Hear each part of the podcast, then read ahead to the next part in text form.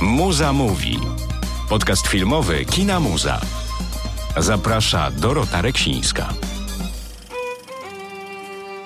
Cześć, witamy Was bardzo serdecznie w kolejnym odcinku podcastu Muza Mówi. Dzisiaj zagłębimy się w tajemnicę techniki kinowej drugiej strony obiektywu. Przedstawimy Wam trochę ciekawych opowieści o tym, jak wygląda praca kiniarza, a konkretnie kinooperatora od kuchni, jak wyglądała w przeszłości, jak wygląda obecnie. Razem ze mną jest Seweryn Ptaszyński, który na co dzień dba o to, żeby jakość projekcji w kinie Muza była na najwyższym poziomie. Witam Was wszystkich. Seweryn, jesteś już w muzie bardzo długo. Bardzo ciekawi mnie, jak zaczynała się Twoja historia kinooperatora. W którym momencie w życiu zacząłeś kręcić się wokół tego zawodu, który no, nie jest zawodem takim przeważnie bardzo jednak popularnym, czy kiedyś nie był? No mogę zacząć od tego, że Początki to zaczęły się w przedszkolu, jak jeszcze nie było ery kaset VHS, DVD.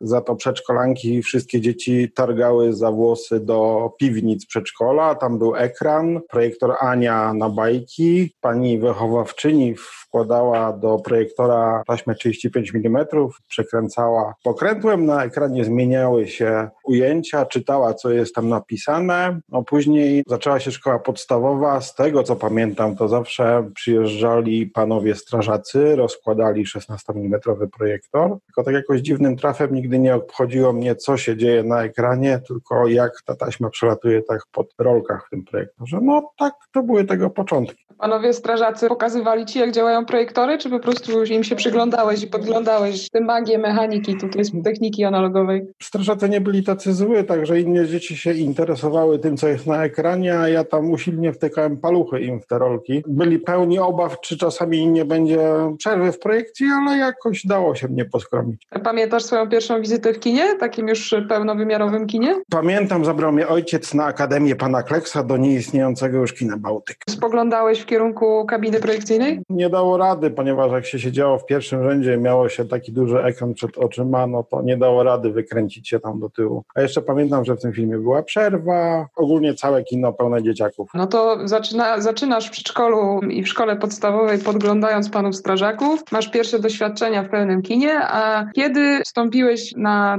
ścieżkę i drogę ku temu, żeby stać się kinooperatorem? W 1987 roku u mnie na osiedlu otwarto kino Dąbrówka. To było najmłodsze kino, które było otwarte w Poznaniu i pierwsze, które się zamknęło. Wyświetlali tam filmy. Pamiętam, że chodziło się też z rodzicami, oglądałem tam Cudowne Dziecko. Jak już byłem troszeczkę starszy, zaczynałem sam chodzić do kina. Kiedyś poprosiłem, aby była taka możliwość, żebym mógł zobaczyć kabinę projekcyjną. Moją prośbę spełnili ówcześni pracownicy kina. No jak już raz dostałem się do kabiny projekcyjnej, to już nie odpuściłem. Brzmi to bardzo podobnie do pewnej historii, którą znamy z kina, czyli do Cinema Paradiso, ale podejrzewam, że ten tytuł jeszcze dzisiaj wróci w naszej rozmowie, czyli Kino Dąbrówka. To był ten początek. Kino Dąbrówka, zacząłem tam przychodzić, wchodziłem w czasie seansów, zaczynałem od przewijania taśmy filmowej na przewijarce, która potrafiła urwać palce. Później było jakieś tam szkolenie, zaczynali mnie uczyć zakładu zakładać film na projektor. No i pierwszym filmem, który własnoręcznie wyświetliłem w Dąbrówce przy prawie całej widowni, był film pod tytułem Ksiądz w 1994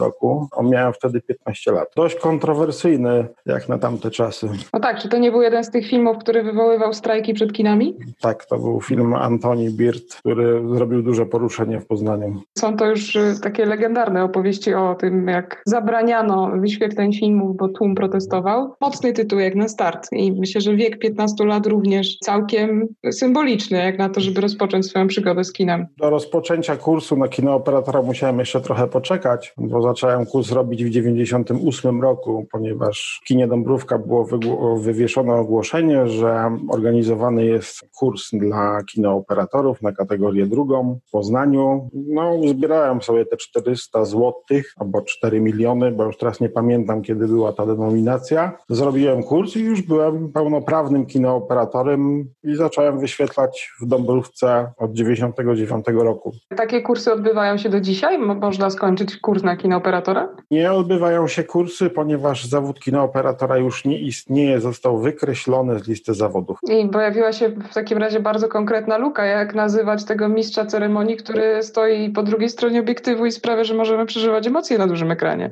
No można nazwać mnie teraz informatykiem, bo już nie bazujemy na taśmie filmowej, tylko na plikach. Ale ja jeszcze troszeczkę podpytam Cię o tę Twoją e, historię. Dowodzisz techniką w muzie, ale poza Dąbrówką wiem, że widziały Cię na pokładzie również inne kina w tym mieście. Części z nich już nawet nie ma też na mapie, tak jak Dąbrówki. W momencie, jak kino Dąbrówka się skończyło, przekształcone w scenę teatru nowego, ponieważ teatr nowy był w remoncie, dane mi było wyświetlać w kinie Słońce na przyjaźni. Tego kina już tej też w tej chwili nie ma. Zawsze się dorabiało tam na jakąś umowę zlecenie i później dostałem się do kina Wilda obecnie kino Biedronka na ulicy Wierzbięcice 36. W międzyczasie pojawiło się też kino Kosmos, które stoi zamknięte od lat, od wczesnych lat 90. Tam przez dwa lata prowadziłem DKF. A jak już była Wilda, to już było Rialto. Wilda Rialto należało do tego samego kierownika. W międzyczasie przewinęło się jeszcze nowe Apollo. No ale nadarzyła się okazja, żeby dostać się do muzy.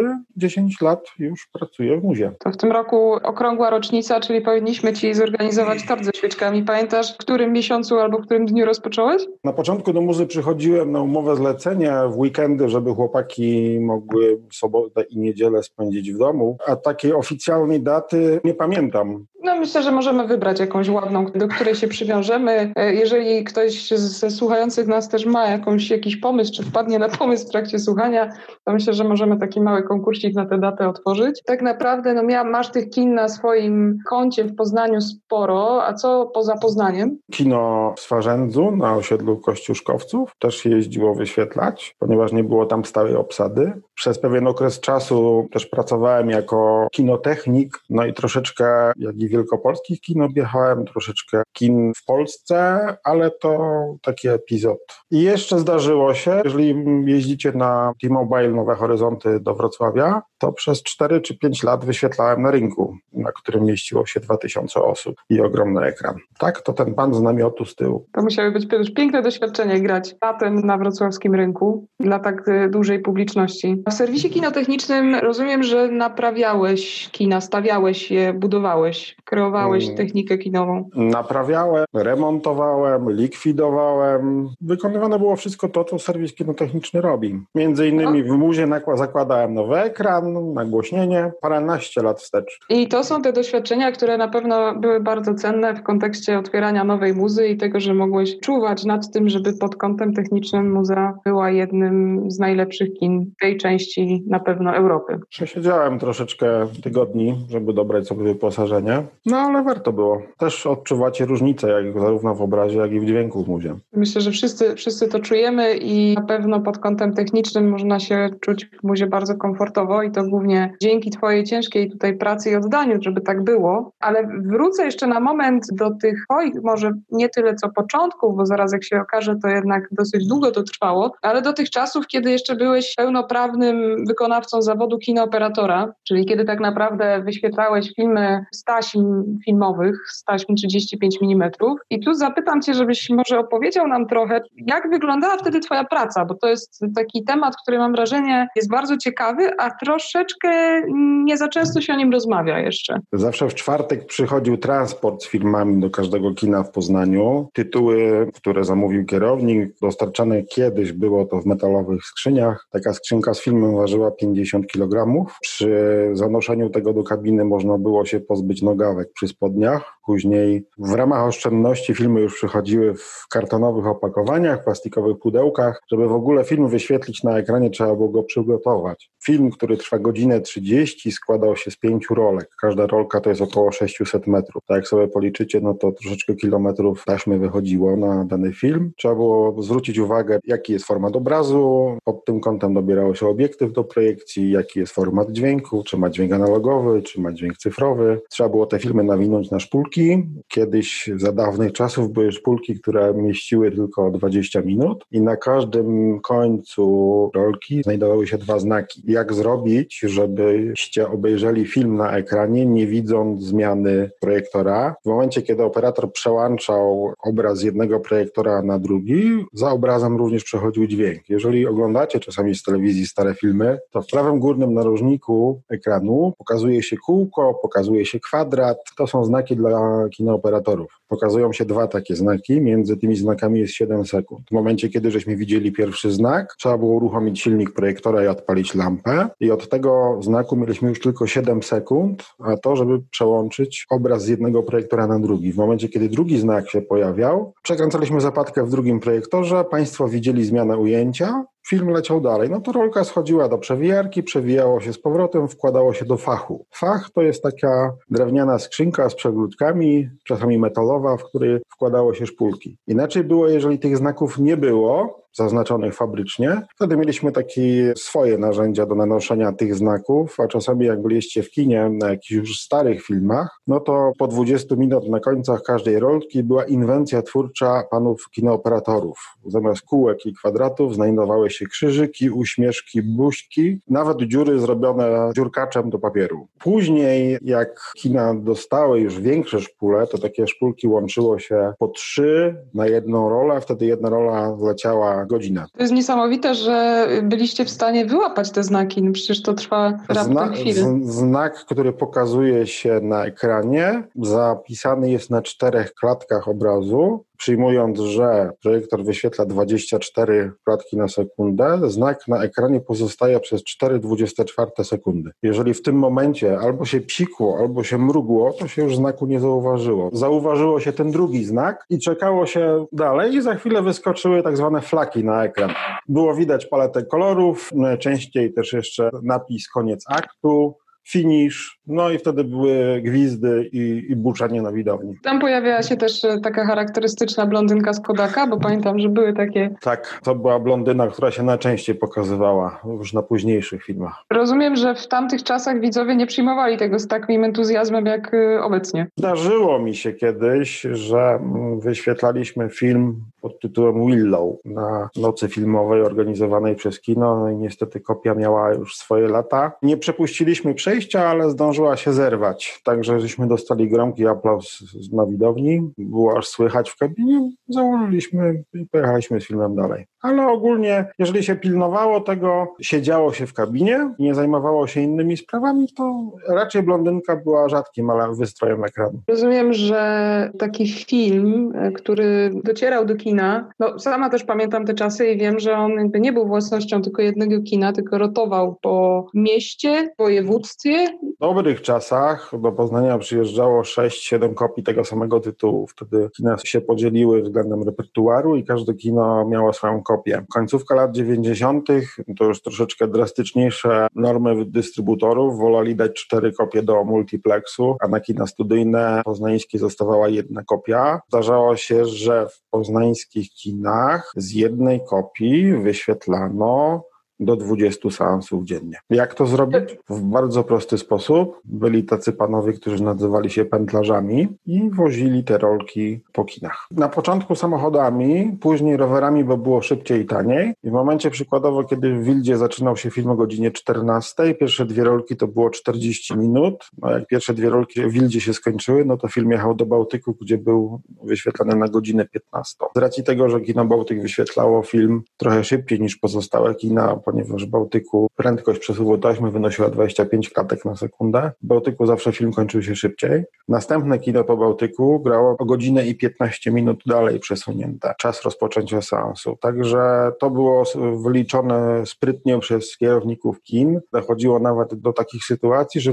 musieliśmy spisywać czas trwania danej rolki, która przechodziła przez projektor, czas przewinięcia na przewijarkę i było wszystko wyliczone co do minuty. Jeżeli któreś kino zawaliło, no to efekt domina, wszystkie kina przerywały projekcję. Wtedy zapalało się światła na widowni, no i było dość nieprzyjemnie, bo niektórzy nie potrafili zrozumieć, że nie jest to awaria techniczna, tylko po prostu film nie dojechał na czas, ponieważ w muzie wyłączyli zasilanie. To jest dopiero właśnie niewyobrażalna logistyka tak naprawdę, pod kątem też tego, jak w tamtym czasie kierownicy musieli ze sobą te godziny zgrać. Każdy chce grać w najlepszych godzinach, każdy chce grać o 19, 18 czy o 20. A zdarzało się jeszcze tak, że kina, które były poza Poznaniem, kina w Gnieźnie, w Ogrowcu, w Środzie, w Śremie, takie premierowe filmy dostawały po dwóch, trzech miesiącach, jak już stały zgrane w dużych miastach. Więc zdarzało się też tak, że przykładowo była pętla z kinem w Domu Kultury w Wągrowcu na siedem samochodów. Czyli w momencie, kiedy pierwsze dwie rolki w muzie zeszły, to już wtedy pętlarze byli sam samochodami.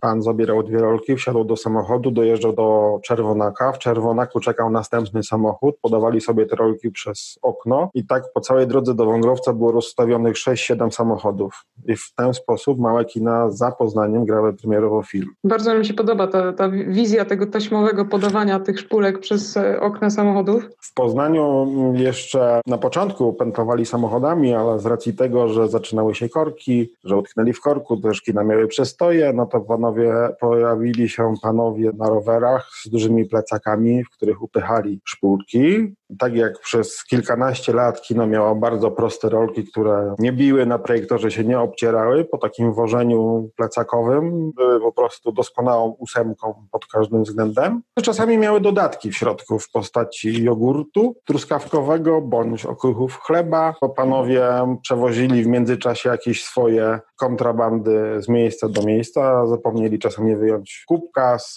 z jogurtem truskawkowym. Także, żeby założyć film na, na projektor, trzeba było najpierw wyczyścić statówkę z jogurtu z musli truskawkowym. Boję się zapytać, jak reaguje kinooperator perfekcjonista, kiedy dostaje szpulkę całą ubabraną w jogurcie z musli. Jeżeli bym miał wskaźnik złości, to na pewno by był na czerwonym polu. Rozumiem, że mimo tych przyjemności i tak udało ci się ten seans wtedy świetlić i na czas wyczyścić te taśmy. Nie było z tym problemu, najwyżej się tam ten seans zapóźniało 10 minut, żeby doprowadzić to jakoś do ładu i składu, ewentualnie wymieniło się startówkę na nową i, i wszystko grało tak jak powinno. A zdarzało się, że na przykład taki pędlarz jadąc na rowerze w deszczu na przykład dowoził szpulkę, która była przemokczona cała? Czasami się zdarzyło, czasami nie dowiózł, bo tramwaj nie jechał, czasami dostał 500 zł mandatu, zatrzymała go policja. Były różne numery, po prostu musieliśmy mieć anielską cierpliwość na tych panów. Czyli tak naprawdę była to wtedy praca w nieustającym stresie, czy dzisiaj film dojedzie, czy nie dojedzie.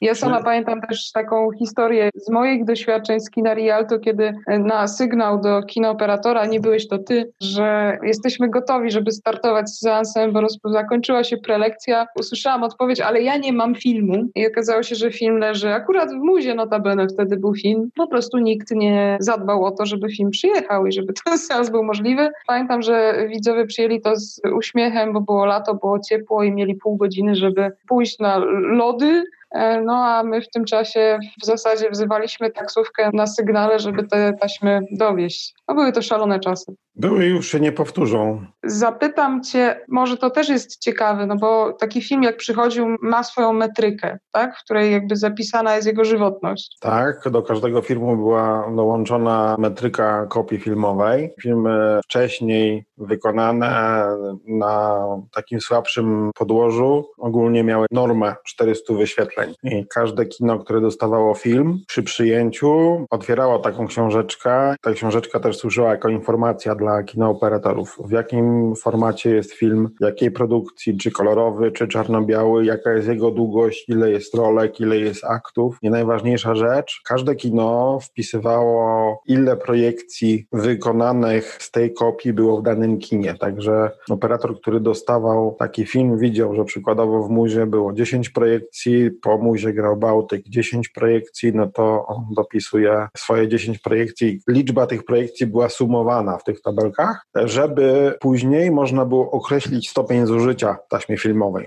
Tak jak mówiłem, podłoże Orwo było takie, że po 400 seansach nadawało się do utylizacji, chociaż zdarzają się takie perełki, które mają po 1000 seansów, zakładam, ponieważ no, skończyło się wpisywanie na 600 projekcjach do, metry, do metryki filmowej i czasami ta taśma no, jeszcze żyje. Do ostatniego filmu, który wyświetlaliśmy w muzie, były dołączane takie metryki. Jeżeli nie było, to kino sporządzało sobie taką kartkę, którą dołączało do pierwszego pudełka. Czyli tak naprawdę patrząc na to, o czym mówisz, to nie można tak jednoznacznie określić, że film na taśmie filmowej może przeżyć taką, a nie inną ilość wyświetleń. Kiedyś do filmu obowiązywały tak zwane branżowe normy. Żywotność taśmy określana była na podstawie stopni. Pierwszy stopień taśma otrzymywała w momencie wyjścia z kopiarki. Jeżeli przesyłka była dosyłana do kina, była kopia nowa, to do 30 wyświetleń był to pierwszy stopień zużycia. Powyżej 30 już dokładnie nie pamiętam tego rozgraniczenia. Mawiając żargonem operatorów, przy piątym stopniu uszkodzeń taśmy filmowej na ekranie już mieliśmy burzę, zamieć, niepokojące znaki i oznaki starzenia, ponieważ za każdym razem, kiedy kopia przechodziła przez projektor, jej okres czasu użytkowania się skracał. No tak, tylko że ta kopia też zawsze była najmocniej zniszczona, czy najmocniej tam ten śnieg padał na początku i na końcu rolki. Zawsze początek filmu i koniec filmu jest bardziej narażony na zniszczenia niż środek filmu. No wiadomo, do filmu doklejona jest startówka, do końca jest doklejona końcówka, przewijało się na przewijarkach, no te projektory też nie były super sprawne w niektórych kinach, zostawiały ślady oleju, kurzu, a jedna kropla oleju potrafi no, natłuścić kopię w takim stopniu, że przyklejają się różne niepożądane drobiny kurzu, innych rzeczy, a to później widać na ekranie. No ale jeżeli taka kopia jest bardzo, bardzo już zniszczona, to co się może stać tobie w trakcie takiego seansu? Będziemy to słyszeć na pewno w głośnikach. Pogorszenie jakości kopii no, jest odczuwalne przez szumy, trzaski w głośnikach. Zdarzało się też, że po prostu miała uszkodzoną perforację i w czasie projekcji się zerwała, ewentualnie puściło na, na, na sklejkach, które były zrobione x lat temu. No i z czasem taka kopia wysycha i tak w rzeczywistości nie da jej się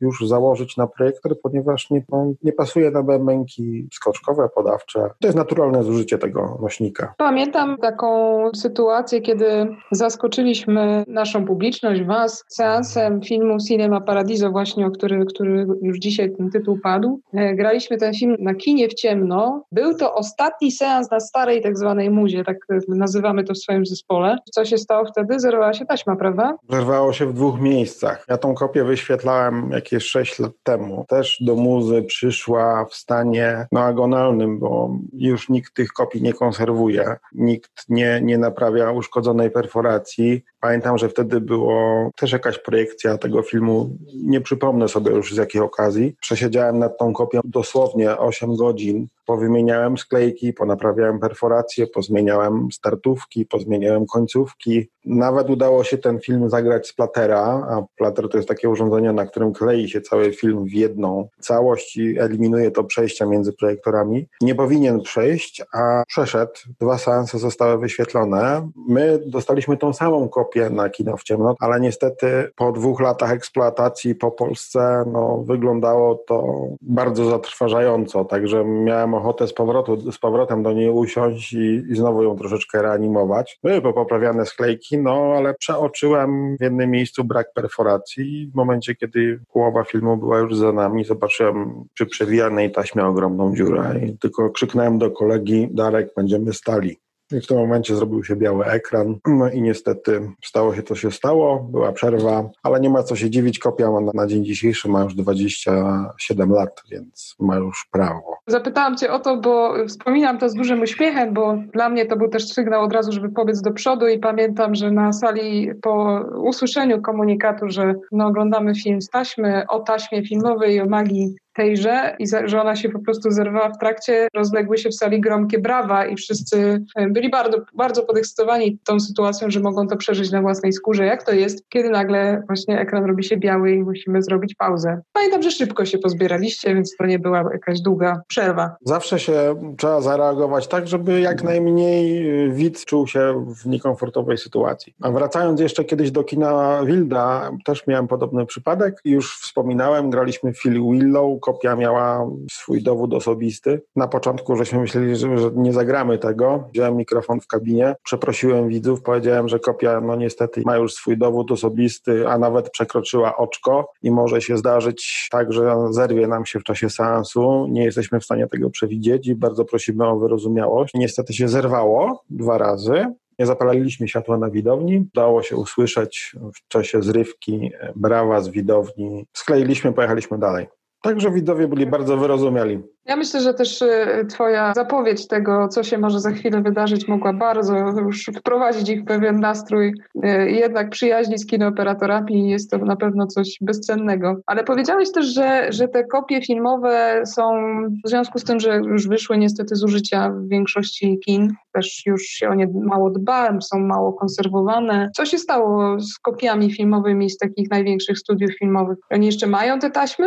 Jak dobrze poszukacie w internecie, można zobaczyć zdjęcia. Niektórzy dystrybutorzy, chcąc po przejściu na technikę cyfrową, chcąc pozbyć się problemu i, i kosztów, które generowało magazynowanie i konserwowanie kopii 35 mm, po prostu je zutylizowało. Prawdopodobnie w studiach filmowych są pozostawione jakieś kopie wzorcowe, na podstawie których można wykonać kopie filmowe, ale na dzień dzisiejszy jest to tylko i wyłącznie taki zapasowy nośnik, z którego, jeżeli dystrybutor ma pieniądze i pomysł, można wykonać kopię cyfrową, zeskanować wzorcową kopię, po prostu zrobić z niej cyfrowy film. Są jeszcze instytucje, które posiadają taką bazę filmów, no przykładowo w Polsce jest to Filmoteka Śląska, Filmoteka Narodowa, są to pojedyncze kopie. Jeżeli byliście na otwarciu muzy, żeśmy wyświetlali obcego z taśmy, to jest jedna z dwóch kopii, która zachowała się w Polsce. Filmoteka Narodowa w Warszawie posiada dwie. Jedna kopia jest na pierwszym stanie zużycia, tylko jest jeden problem, nie ma tam polskich napisów. Ma status cymeli, czyli status zabytku. My w muzie żeśmy wyświetlali drugą kopię ze zbioru Filmoteki Narodowej, była na trzecim stopniu, ale posiada polskie napisy. Trzeba się troszeczkę postarać, żeby jeszcze kopię wymarzonego filmu uzyskać do projekcji, ale dla chcącego nic trudnego. Wiemy, że się staramy, ale zapytam Cię trochę przewrotnie. Dlaczego Kinomuza nadal gra seansy z taśmy filmowej 35 mm. Ponieważ mamy dwóch fanatyków w tym kinie tej taśmy, no to jestem ja i ty, Dorota, no chyba nie powiesz, że nie. No oczywiście, że nie, ale trochę cię chciałam podpuścić. Kina przy cyfryzacji, po przy przejściu z na technikę cyfrową projekcji po prostu pozbyły się projektorów analogowych, ponieważ no, nie będzie taśmy, no to taki projektor już jest niepotrzebny. Dam przykład, jeżeli Państwo znajdą sobie w internecie, na YouTubie film pod tytułem Ostatni seans kinie przyjaźni w Szczecinku, to zobaczycie Państwo, jak projektory wylatują z drugiego piętra przez okno. Muza, mając dwa projektory, montując cyfrę, wykorzystała miejsce, w którym kiedyś stał trzeci projektor. A z racji tego jestem, mogę tak powiedzieć, dzieckiem analoga. Nie wyraziłem zgody i nigdy nie wyrażę zgody na usunięcie projektorów 35 mm z muzy. Mamy troszeczkę części zapasowych, trochę zdolności manualnych, żeby ta 35 w tej muzie żyła. Mogę powiedzieć tak, kiedyś kasety magnetofonowe odchodziły do lamusa, płyty czarne gramofonowe odchodziły do lamusa, w tej chwili powracają, więc można wnioskować z tego, że być może kiedyś jeszcze te 35 mm wróci, a jeżeli nie wróci, no, no to jest jeszcze dużo kopii w Polsce i na świecie, które można sobie wyświetlić na projektorze 35 mm, a nie chciałem się pozbywać narzędzia, które de, tak de facto powodowało to, że kino było kinem. Faktem jest też taki, że trochę Chyba jednak już tak jest, że doświadczenie filmu z taśmy filmowej jest czymś magicznym i nie mam najmniejszej wątpliwości, że nie tylko nasza dwójka, ale również wśród Was, nas słuchających, jest bardzo wiele osób, które chętnie na taki seans by przyszły, a zatem możemy, Seweren, chyba dokonać takiej małej deklaracji, że postaramy się wynajdywać te perełki, nawet jeżeli będzie to wymagało ściągania ich z zagranicy. Co jest troszeczkę kosztowne, ale, ale wykonalne. Wszystko jest wykonalne, to się zawsze oczywiście rozchodzi o budżet danego wydarzenia. No ale jak pokazało właśnie otwarcie i to, że można wygrzebać obcego, gdzie tak naprawdę pamiętam, że na zgodzie, którą dostaliśmy z Filmoteki Narodowej, pani Kustosz napisała odręcznie, dzielam zgody jednej z ostatnich, z racji właśnie na ten status Cymeli i tego, że była to antyczna kopia. Bardzo, bardzo o, piękne są to historie i na pewno ciekawy jest do nich cały czas wracać. Natomiast powiedziałeś, że obroniłeś te projektory analogowe w muzie i chwała Ci za to. Na jakich projektorach tam pracujesz do dzisiaj? Tych analogowych na razie, o, nich powiedzmy. Na dzień dzisiejszy w muzie znajdują się trzy projektory analogowe. Dwa z nich to są projektory polskiej produkcji łódzkich zakładów kinotechnicznych z 1983 roku. To są tradycyjne projektory, do, z którego wyświetla, wyświetlało się filmy ze szpulek. No i też chciałbym się pochwalić. Kolega, który pracował w multiplexie, pozbywał się sprzętu analogowego, po prostu ofiarował projektor Erneman 15, no już z 2006 roku, do którego jeszcze są części dostępne, także wykorzystujemy w tej chwili ten niemiecki projektor. Być może jeden z analogowych projektorów pojawił się na którymś z holi albo górnym, albo dolnym, żeby Państwo też mogli zobaczyć, jak to wyglądało przychodząc do nas na seansę. W każdym bądź razie mamy jakieś zapasowe części, mamy jakieś inne elementy też z kin, które likwidowały. No, takie rzeczy się w dobie tego, że za jakiś czas po prostu już nie będzie nic do tego. Jakieś poczynione zapasy są, tak żeby to 35 mm nie umarło. 35. Oczywiście ten najbardziej powszechny format kinowy, ale może nawet nie tyle, co jakie inne formaty kinowe znamy, ale jakie jeszcze inne formaty w ogóle ogóle przechodziły przez Twoje kino operatorskie ręce i z jakich zdarzało Ci się wyświetlać filmy? Bo to jest też, myślę, bardzo ciekawy wątek. Kiedyś na festiwalu mieliśmy zagrać film z, oś, z taśmy 8 mm. To jest taśma, która miała zastosowanie do takich mm, produkcji domowych. Jeżeli oglądaliście film Amator ze Szturem, on właśnie posługiwał się taką małą kamerką na początku i to była właśnie kamera na 8 mm. Kolejnym takim formatem i kinowym, profesjonalnym, i domowym, i szkolnym był format 16 mm. Forma taka do domowego kręcenia filmów była bez dźwięku. Pozostałe jej odmiany już zawierały ścieżkę dźwiękową, były wykorzystywane do rejestracji filmów oświatowych, szkoleniowych, to jeszcze przed erą VHS-a było wykorzystywane często w szkołach. Do dziś pamiętam, że w mojej szkole podstawowej, w szkole średniej e, w magazynach takie taśmy leżały, tylko nie było już osób, które potrafiły to, to wyświetlić. I jako ciekawostkę podam, że w poprzednich czasach, jak powstawała kopia 35 mm do stacjonarnych kin w miastach, no na, na wsiach też istniały kina mniejsze, tak zwane wiejskie, nie było takiej dostępności projektorów 35 mm, żeby je mm, zamontować, także na takich mniejszych wiejskich kinach instalowane były projektory 16 mm. I w momencie, kiedy powstawała kopia filmu na 35 mm, powstawała również kopia filmu na 16 mm, także piłkarski poker oglądaliśmy w Poznaniu z 35 mm, a ktoś gdzieś w Pcimiu Dolnym oglądał film z szesnastki. Także do dzisiaj dużo tych kopii się zachowało. Moi znajomi też ściągają takie kopie z zachodu, pojawiają się czasami na eBayu. Można znaleźć takie perełki jak Gwiezdne Wojny, Imperium Słońca, parę innych tytułów. 35 mm było stosowane w kinie, ale jest jeszcze jeden bardziej królewski rozmiar taśmy, jeżeli chodzi o kino. Jest to taśma 70 mm. Używana, ja mogę powiedzieć, że jest to protoplasta IMAXa, ponieważ w Poznaniu mogę powiedzieć taką historyjkę ciekawą, że w pierwszym kinem w Poznaniu, które mogło wyświetlać filmy 3D, było kino Apollo na ulicy Ratajczaka, dokładnie od 1971 roku. Tylko był jeden jeden szkopuł, filmy były, okulary były, e, nawet było 1500 sztuk okularów. Były filmy, okulary, projektory, ale nie było obiektywu, także zdarzały się takie fajne projekcje, gdzie wyświetlano Przeminęło z wiatrem z taśmy 70 mm, to jest o wiele większy obraz niż z taśmy 35 mm, sześciokanałowy dźwięk już w tamtych czasach. W Poznaniu też mamy kilkanaście filmów, chociażby miałem w styczniu, do obcowania z taśmą 70 mm, ale jest jedno takie miejsce w Europie, dokładnie w Czechach. Miejscowość nazywa się Krnow, gdzie odbywa się festiwal filmu 70 mm, na który jeżdżę, uczęszczam, zbieram dla nich różne... Ja też, ja też, też no, tam byłam. Też tam byłam i, i, oglądałam. To jest jedno jedyne kino w Czechach, które jest zdolne wyświetlać filmy z taśmy 70 mm.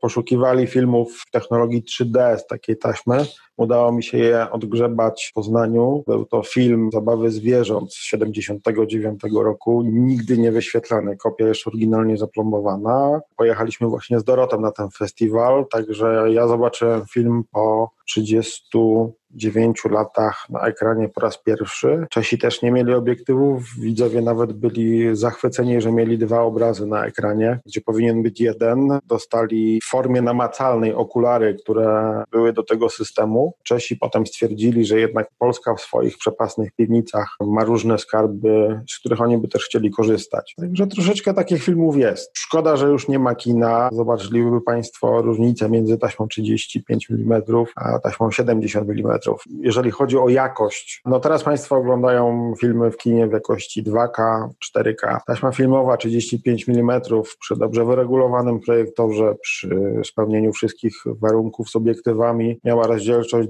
dochodzącą do 6K. Ale to jest też y, w sumie niesamowite pod kątem tych doświadczeń z Krnowa, bo że możecie nie wiedzieć, że oni faktycznie poszukują tych kopii po całym świecie i są bardzo chętni, żeby ten swój repertuar co roku urozmaicać i dodawać tam kolejne filmy. No ale te kopie nie zawsze bywają idealne i czasami mają też swoje ułomności, bo ja bardzo z dużą serdecznością wspominam seans filmu Tylko dla Orłów, który nie dość, że miał y, niemiecki dubbing, no to jeszcze jeszcze tak naprawdę mieliśmy e, odcienie magenty na, na obrazie, ponieważ mm. tam wytarły się kolory. Może nie wytarły się kolory, tylko było to realizowane na pierwszych mega pozytywach firmy Kodak, którego uciekał zielony kolor, także po pierwszych scenach zabrakło jednego, jednej ze składowej barw i niestety śnieg mieliśmy różowy. Clint, ale Clint Eastwood mówiący po niemiecku, no, po niemiecku to no to po prostu już nie będę tak. komentował, ale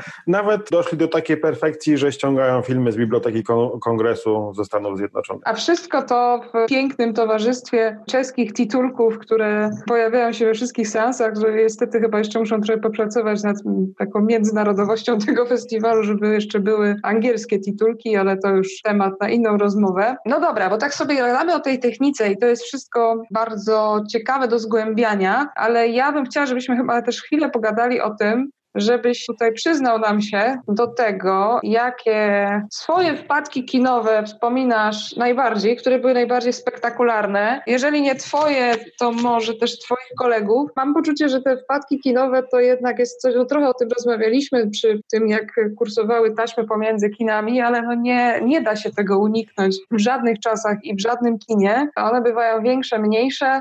E, więc zapytam Cię o te Twoje wspomnienia i może o największą wpadkę w muzie? Największa wpadka w muzie owszem wydarzyła się, ale tylko i wyłącznie przez zamieszanie z stuleciem muzy, ponieważ kabina kina wtedy wyglądała jak jeden wielki magazyn kopii filmowych. Przyszedłem do pracy w niedzielę, sprawdzałem w repertuar wszystko w porządku. Był to tytuł filmu Lisy Hodolenko. Miała być to przedpremiera. Zapaliłem światło, ludzie weszli na widownię, odruchowo wziąłem płytę. Na płycie było napisane wszystko jest, tak, włożyłem do odtwarzacza. Docelowy film był na taśmie. Film, który leżał na szafce miał zbliżony tytuł, nie zwróciłem uwagi. Ruszyłem seansem, patrzę, pierwsze kadry filmu, polska agencja telewizyjna przedstawia. Patrzę w repertuar Made in USA, po czym jest telefon do kabiny. Saweryn, puściłeś nie ten film. Wszyscy zaczęli się śmiać. E, dostałem brawa. No niestety trzeba było chwilę poczekać. Zanim dokopałem się do filmu, który nie był przygotowany, był jeszcze w pudełkach, w kartonie minęło jakieś 10 minut. Pamiętam, bileter Łukasz wszedł na, na widownię i powiedział, przeprosił widzów, że przepraszam Państwa, nasz operator w sobotę rano jest bardzo roztargniony, ale wszystko jest w porządku i w tym momencie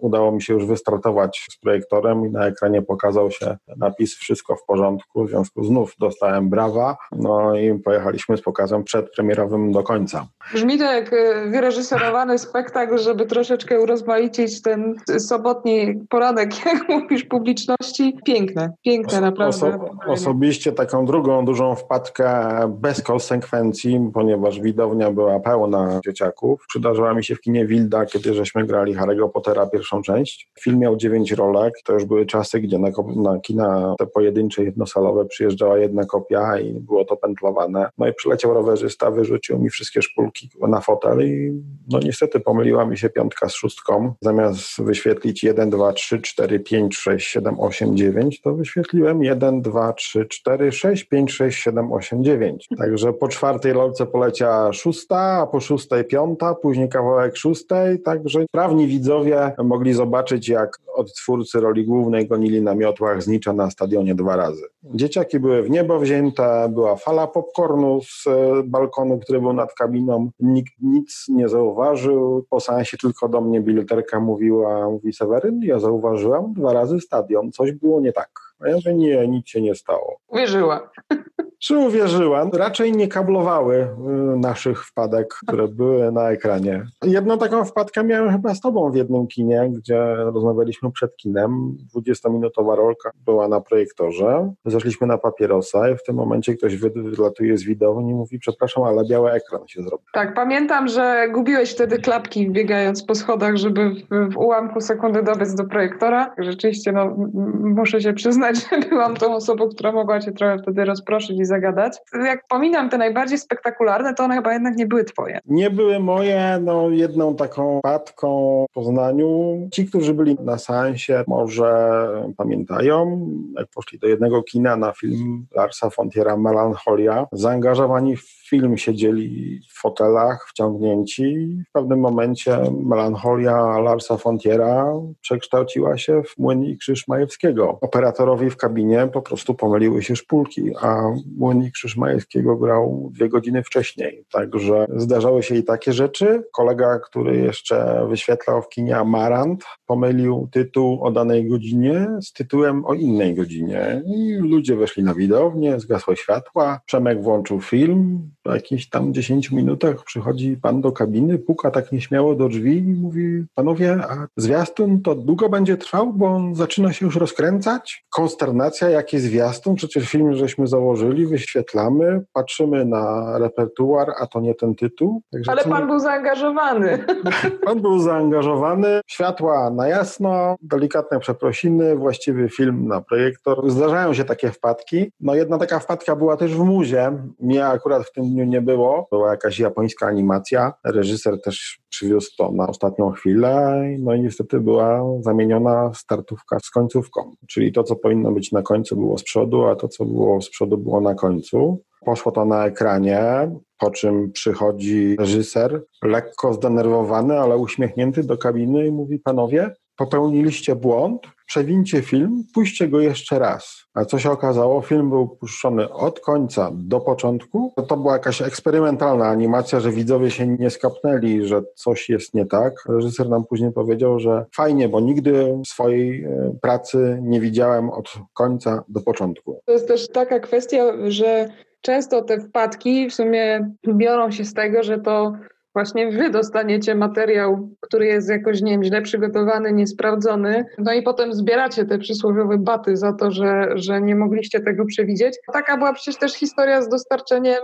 złej listy dialogowej Tomaszowi Knapikowi, który podczas mm. festiwalu Transatlantyk odczytywał na żywo seans kina klasy B. My, my mieliśmy kopię dwugodzinną, reżyserską, a Tomasz Knapik dostał listę dialogową do czytania do wersji skróconej. Dobrze szło do 11 minuty. Po 11 minucie, no niestety stop, światła do góry, czekaliśmy na drugą listę dialogową, no bywa. I co zrobił pan Tomek? Nie wiem, ja siedziałem w tym momencie w kabinie, ty byłaś na przedzie? Wtedy nie było, ale pan Tomek mi opowiadał, że no postanowił, jako że też jest perfekcjonistą, nie zawalać swojej pracy, więc improwizował. E, podobno wyszło mu to z bardzo dużą gracją, natomiast powiem wam, że to jest bardzo taka już anegdotyczna historia, nie tylko dlatego, że pan Tomek Knapik opowiada o niej przy różnych okazjach, ale ja również dzwoniąc do niego, żeby zaangażować jego głos do otwarcia Kina Muza po przebudowie, przedstawiając się, że dzwonię z Kina Muza w Poznaniu, a no tak, Kino Muza, to to kino, w którym dostałem złą listę dialogową i musiałem improwizować że ta historia naprawdę bardzo zapadła mu w sercu. Jest to myślę, że jedna z takich weselszych też akcji, która się tutaj wydarzyła. Czyli mamy nalepkę, że dostajemy, dodajemy krótsze listy dialogowe do dłuższych filmów. Że może się to zdarzyć i że trzeba być gotowym zawsze na to, żeby uruchomić swoją kreatywność.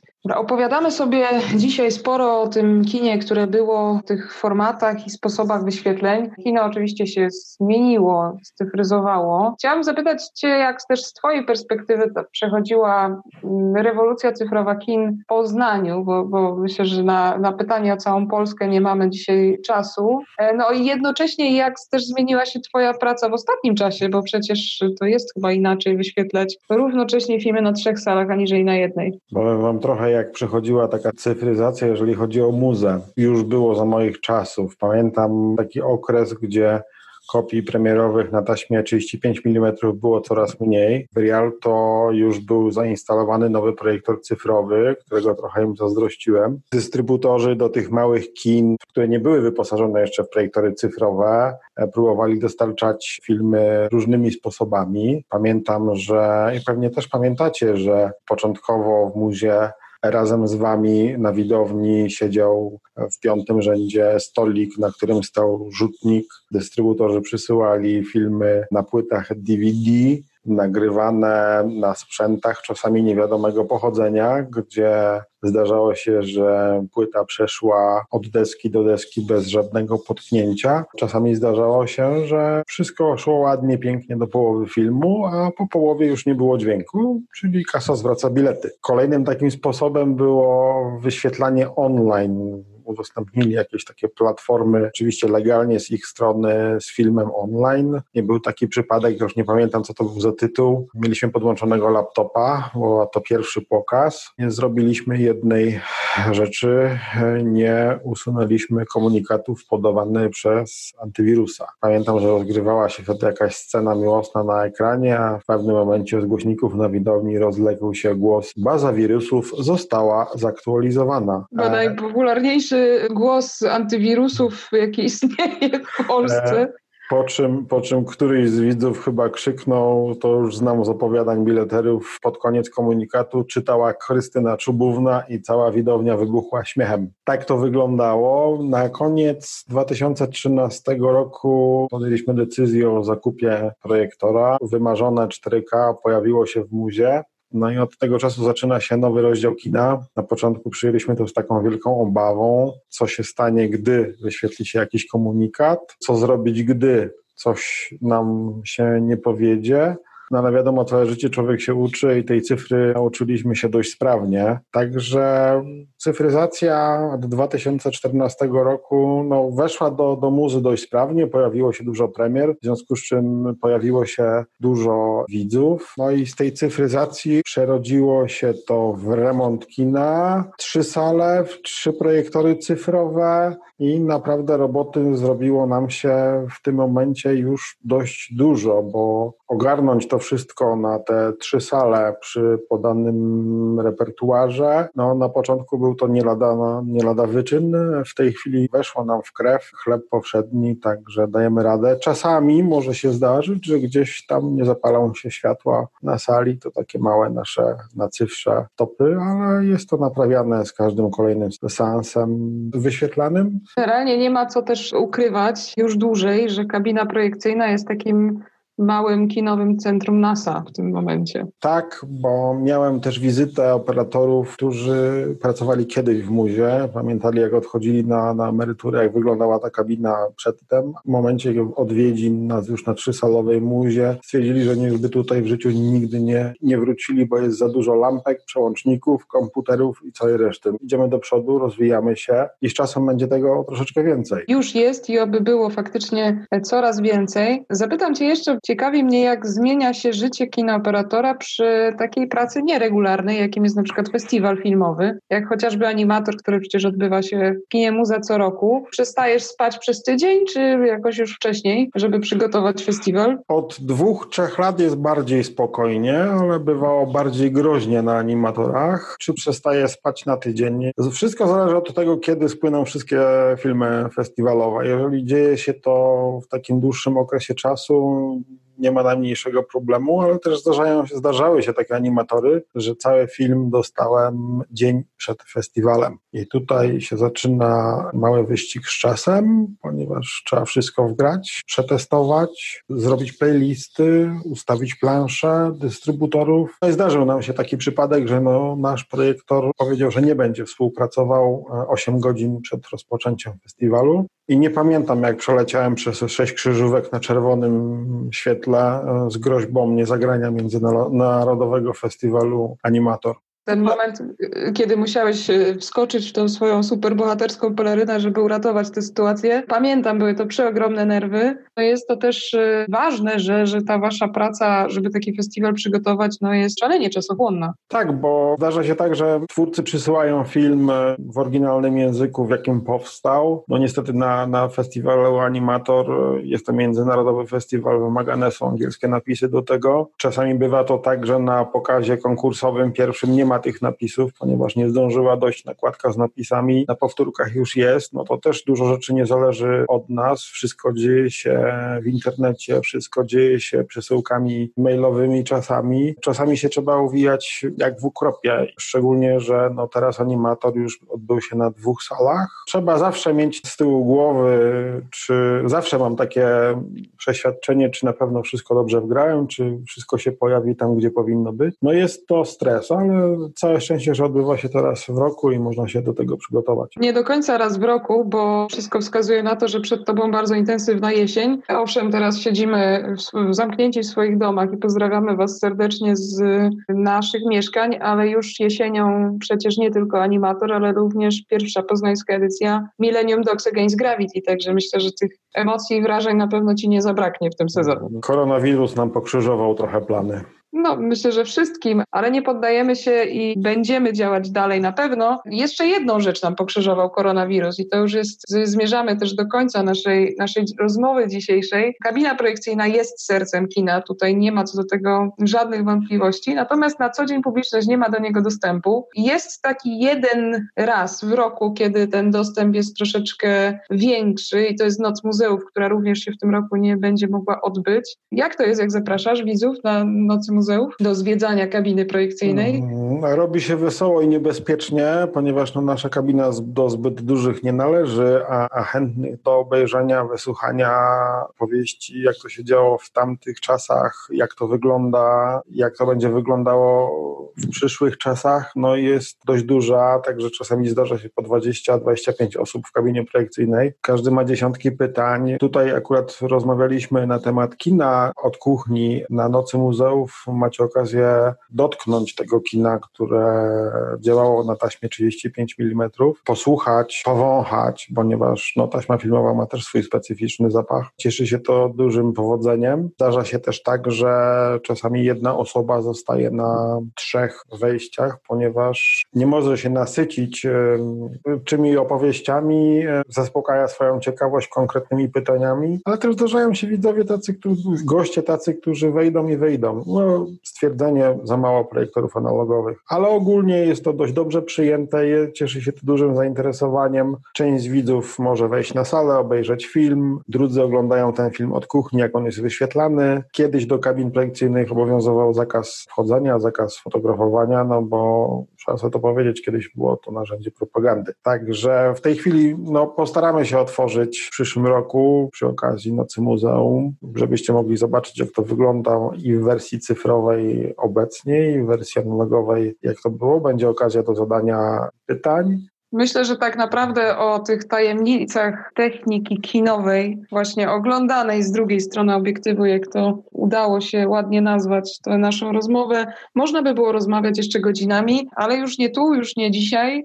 Zatem ta noc muzeów, która nie mam najmniejszych wątpliwości, że się odbędzie, a Seweryn z wrodzoną charyzmą i uśmiechem przyjmie Was w swoje nieskromne progi, będzie świetnym właśnie momentem, żeby jeszcze móc porozmawiać dłużej i rozwiać wszelkie wątpliwości a kto wie, może jeszcze posłuchać o paru innych ciekawych historiach, które wydarzyły się za szybkami projekcyjnymi. Bardzo Ci dziękuję, Seweryn, za te opowieści, za te mm, podróże w przeszłość i no, trochę poniekąd też przyszłość. Dzięki, że byłeś dzisiaj z nami i dziękuję Wam wszystkim, którzy chcieliście nas posłuchać. Dziękuję serdecznie, pozdrawiam i zapraszam na Noc Muzeów. Zapraszamy Was serdecznie do odsłuchiwania kolejnych podcastów. Dzięki i do usłyszenia. Muza mówi. Producentem podcastu jest Estrada Poznańska. Więcej na estrada.poznan.pl i kinomuza.pl.